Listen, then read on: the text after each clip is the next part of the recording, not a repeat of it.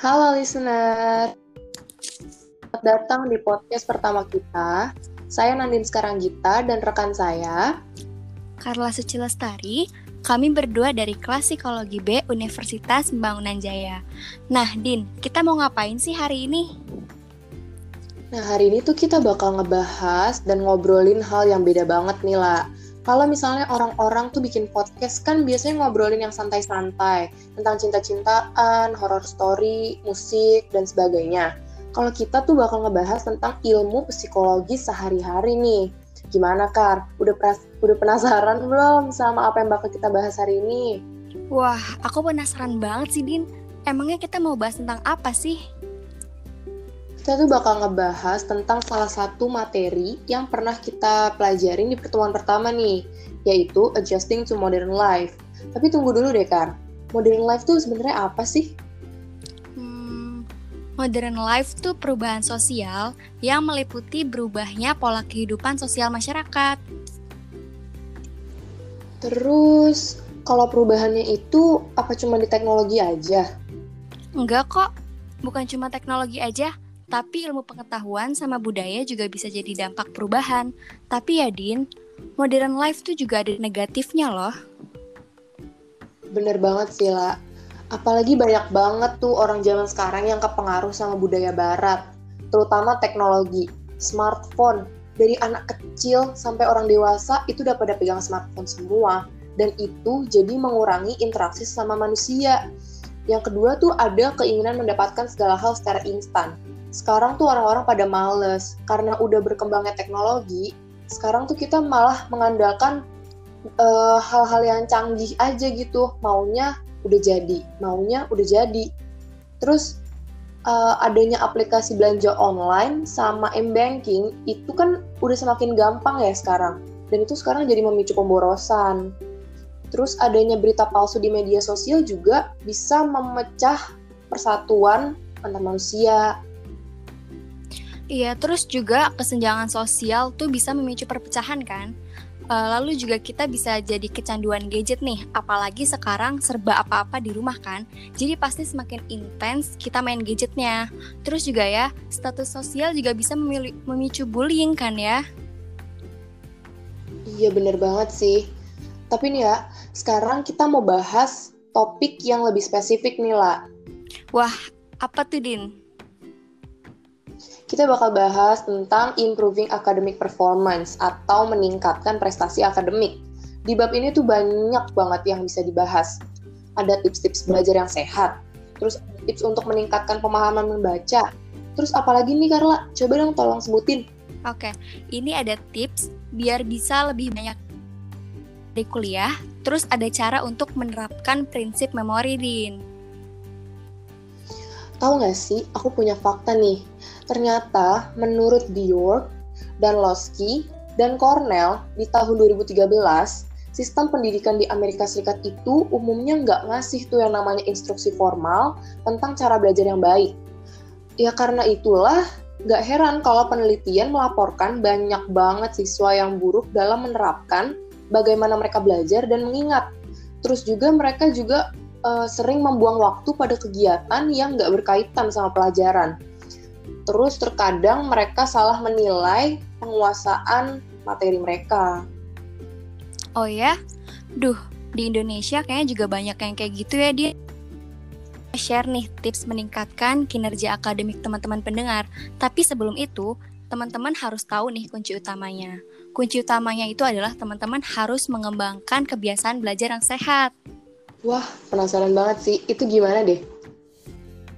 Pertama, teman-teman bisa menyusun jadwal belajar terlebih dahulu nih. Nah, dalam penyusunan jadwal ini, teman-teman bisa menyesuaikan waktu terbaik teman-teman dalam menerima pelajaran. Selain waktu, pencarian tempat juga penting banget loh teman-teman. Teman-teman harus cari tempat yang nyaman dan juga sebisa mungkin memilih tempat yang minim gangguan supaya teman-teman bisa lebih mudah fokus. Dan yang terakhir juga ada nih lah, kalau kalian udah merasa nih berusaha keras buat belajar, dan kalian udah dapat hasil yang pengen yang kalian pengen ada baiknya tuh kalian kasih motivasi buat diri sendiri biar bisa lebih happy dan lebih semangat lagi belajarnya. Dengan cara kasih reward atau hadiah ke diri sendiri. Entah kalian mau apa uh, beli barang atau kalian bisa aja tuh santai seharian. Nah, tips selanjutnya itu meningkatkan pemahaman membaca. Kalian tahu kan kalau banyak banget siswa yang belajar dengan menandai kalimat-kalimat yang menurut mereka penting tuh pakai stabilo. Tapi ya, kalau mereka melakukannya tanpa selektivitas yang bijaksana, mereka tuh hanya mengubah buku teks menjadi buku mewarnai. Situasi ini mungkin menjelaskan mengapa tinjauan terbaru dari bukti tentang menyoroti melaporkan bahwa tampaknya memiliki nilai terbatas. Loh, aku dulu juga sering kok kayak gitu. Kan tujuannya buat kasih tahu kata kunci dan hal-hal yang penting yang bisa dipelajarin lagi, ya kan? Iya, betul. Tapi itu berlaku kalau kamu benar-benar menandai secara bijak dan benar-benar membuka dan mempelajari bukunya lagi. Tapi kalau sekedar ditandai aja, apa gunanya? Jadi, coba deh untuk temuin satu atau dua kalimat yang paling baik menangkap tujuan setiap paragraf. Penandaan teks ini tuh buat melihat garis besar topik di dalam paragraf. Kalau kita cuma menyoroti terlalu sedikit konten, itu tuh nggak akan cukup buat mengidentifikasi ide-ide utamanya. Tapi kalau kita terlalu banyak menyoroti konten, kita nggak kita mungkin nggak terlibat dalam bacaan aktif nih, dan kita nggak akan berhasil membuat informasi penting tuh menonjol gitu. Wah, ternyata nggak bisa ya kalau sembarangan nandain sesuatu di paragraf yang kita baca. Ya udah deh, Poin selanjutnya nih lah, ternyata kita bisa dong dapat ilmu lebih banyak dari dunia perkuliahan. Aku mau kasih tips nih biar kuliah kita bisa jadi lebih efektif. Gimana tuh Din? Ayo kita share ke teman-teman pendengar Din.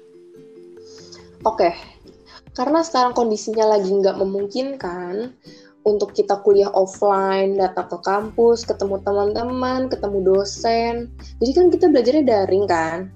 Terus biasanya mahasiswa tuh kalau mantengin laptop aja pasti jadi lebih bosen. Apalagi kalau cuma dikasih tugas doang, tapi nggak ada penjelasan dari dosen. Bener nggak sih? Bener banget, Din. Aku juga ngerasa banget perkuliahan daring itu emang agak berat ya. Apalagi kalau nggak tetap langsung sama dosennya. Tipsnya apa nih ya biar kita bisa tetap paham materi meskipun nggak datang ke kampus? Pertama-tama aku bakal jelasin dulu kenapa perkuliahan itu bisa jadi sumber banyak ilmu. Studi menunjukkan bahwa pengambilan catatan penuh perhatian dikaitkan dengan peningkatan pembelajaran dan kinerja di kelas perguruan tinggi. Itu menurut Marsh dan Butler pada tahun 2013. Namun, tapi nih ya, menurut M. Brewster di tahun 2000, Penelitian juga menunjukkan bahwa banyak baca catatan kuliah mahasiswa secara mengejutkan itu nggak lengkap. Dengan rata-rata siswa sering merekam kurang dari 40% ide-ide penting dalam sebuah kuliah.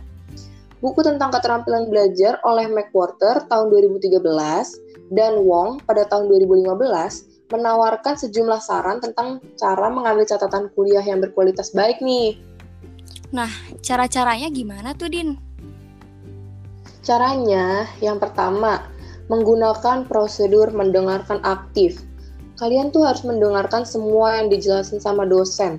Dan kalian coba antisipasi deh, kira-kira apa sih yang bakal dia jelasin selanjutnya? Kalau kita baca buku doang, informasi yang kita dapat tuh bakal lebih sedikit. Teknik ini tuh bisa membantu banget kalau kita berusaha memahami materi yang lebih kompleks dan sulit. Yang kedua tuh ada menuliskan penjelasan dosen pakai bahasa sendiri biar lebih paham kalau bahasa dosen kan biasanya bahasa pengajar ya, bahasa-bahasa baku. Kalau kita misalnya udah dengar, kita udah paham, coba kita tuangin deh pakai bahasa kita sendiri biar lebih mantep pahamnya.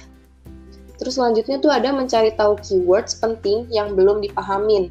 Ditandain deh tuh. Misalnya kata erupsi, erupsi itu apa sih? Nah, kalian tandain tuh. Terus nanti kalian cari deh artinya. Akhirnya paham kan? Yang terakhir, penting banget nih, bertanya malu bertanya sesat di jalan kan lah. Betul. Wah, keren banget nih Din. Kalau semua pendengar yang dari kalangan mahasiswa bisa menerapkan tips ini. Iya sih, aku yakin banget kalau pendengar podcast ini pasti lebih kebantu sama informasi yang kita share. Eh iya Din, kayaknya masih ada satu poin lagi nih belum kita share. Iya ya, tentang menerapkan prinsip memori lah Kebetulan aku masih agak bingung sih tentang itu. Kamu bisa bantu jelasin nggak buat teman-teman pendengar? Boleh banget, Din. Jadi, proses memori berasal dari tahun 1885 ketika Herman Ebbinghaus menerbitkan serangkaian studi yang berwawasan luas. Lalu sejak saat itu dikembangkan lagi deh sama psikolog dunia. Terus mereka udah nemuin sejumlah prinsip tentang ingatan yang relevan buat membantu ningkatin keterampilan nih, Din. Yang pertama, kita harus terlibat dalam praktik yang memadai. Jadi kayak seperti sering ikut praktik, latihan, itu bisa ningkatin memori loh. Karena sering melakukan hal-hal yang dipelajari. Jadi bisa bikin kita makin paham gitu karena adanya pengulangan kegiatan yang dipelajari. Terus yang kedua, yang dipelajari. Jadi tuh kayak di list gitu yang pernah dipelajari apa aja. Jadi kita bisa melakukan udah. Nah, yang ketiga nih, menggunakan praktik terdistribusi. Nah, ini penting nih. Banyak banget pasti para pelajar dan mahasiswa yang menerapkan sistem SKS atau sistem kebut semalam. Sistem, sistem belajar ini sistem belajar seperti ini tuh sebenarnya nggak baik loh teman-teman lebih baik kita belajar dengan cara menyicil sedikit demi sedikit namun konsisten daripada banyak gitu keunggulan atau praktik masa pelajaran memberi alasan lain mengapa pelajaran dalam satu waktu adalah pendekatan yang tidak disarankan untuk belajar mempersiapkan ujian. Dan yang terakhir, menekankan pemrosesan mendalam. Jadi ketika teman-teman membaca buku, cobalah untuk menghubungkan informasi dengan kehidupan dan pengalaman teman-teman sendiri. Itu tuh akan mempermudah teman-teman untuk mengingat nih. Wah, keren sih. Tapi selain itu, ada cara-cara yang lain gak sih, lah? Ada, Din. Jadi, kita bisa gunain perangkat mnemonik atau strategi untuk meningkatkan memori dengan cara membuat materi atau kalimat abstrak menjadi kalimat yang lebih bermakna sehingga akan mudah untuk diingat. Lalu ada akrotik dan akronim. Akrotik ini adalah frasa atau puisi mana huruf pertama dari setiap kata atau baris itu berfungsi sebagai isyarat untuk membantu kita mengingat kata-kata abstrak yang dimulai dengan huruf yang sama. Nah, variasi akrotik ini adalah akronim, kata yang terbentuk dari huruf pertama dari serangkaian kata. Akronim dan ak akrotik dan akronim yang dibuat individu untuk diri kita sendiri tuh dapat menjadi alat memori yang efektif. Lalu kita juga bisa menggunakan metode tautan. Metode tautan ini melibatkan pembentukan gambar mental dari item yang akan diingat dengan cara menghubungkan mereka bersama-sama. Beberapa peneliti menyatakan bahwa semakin aneh gambar tersebut, semakin baik pula gambar tersebut akan diingat. Nah, Nidin, yang terakhir, kita bisa menggunakan metode lokus. Jadi metode lokus ini melibatkan imajinasi kita nih. Jadi kita membayangkan kita sedang berjalan-jalan di sepanjang jalur yang akrab di mana kita telah mengaitkan gambar gambar barang yang ingin kita ingat dengan lokasi tertentu. Biasanya tuh lokus ini adalah lokasi tertentu di rumah atau lingkungan kita nih. Kemudian kita bayangin setiap hal yang ingin kita ingat di salah satu lokasi ini. Coba untuk membentuk gambar yang khas dan jelas. Ketika kita perlu mengingat barang-barang, bayangkan diri kita tuh lagi berjalan nih di sepanjang jalan ini nih. Nah, metode lokus memastikan bahwa item diingat dengan eh, dalam urutan yang benar karena urutannya ditentukan oleh urutan lokasi di sepanjang jalur. Dan studi empiris juga telah mendukung nilai metode ini untuk menghafal daftar, Din. Wah, banyak juga ya prinsipnya. Agak berat sih, tapi pasti bermanfaat banget nih buat teman-teman pendengar. Aku mau narik kesimpulan ya dari pembahasan kita hari ini. Kita tuh jadi tahu bahwa kebiasaan belajar hampir sama pengaruhnya dengan kemampuan dalam menentukan keberhasilan perguruan tinggi. Untuk mengembangkan kebiasaan belajar tersebut, kita harus menyusun jadwal belajar tertulis dan menghargai diri sendiri karena sudah mau belajar kita juga harus berusaha mencari tempat belajar yang relatif bebas dari gangguan. Selain itu, kita sebaiknya menggunakan teknik membaca aktif untuk memilih ide paling penting dari materi yang kita baca.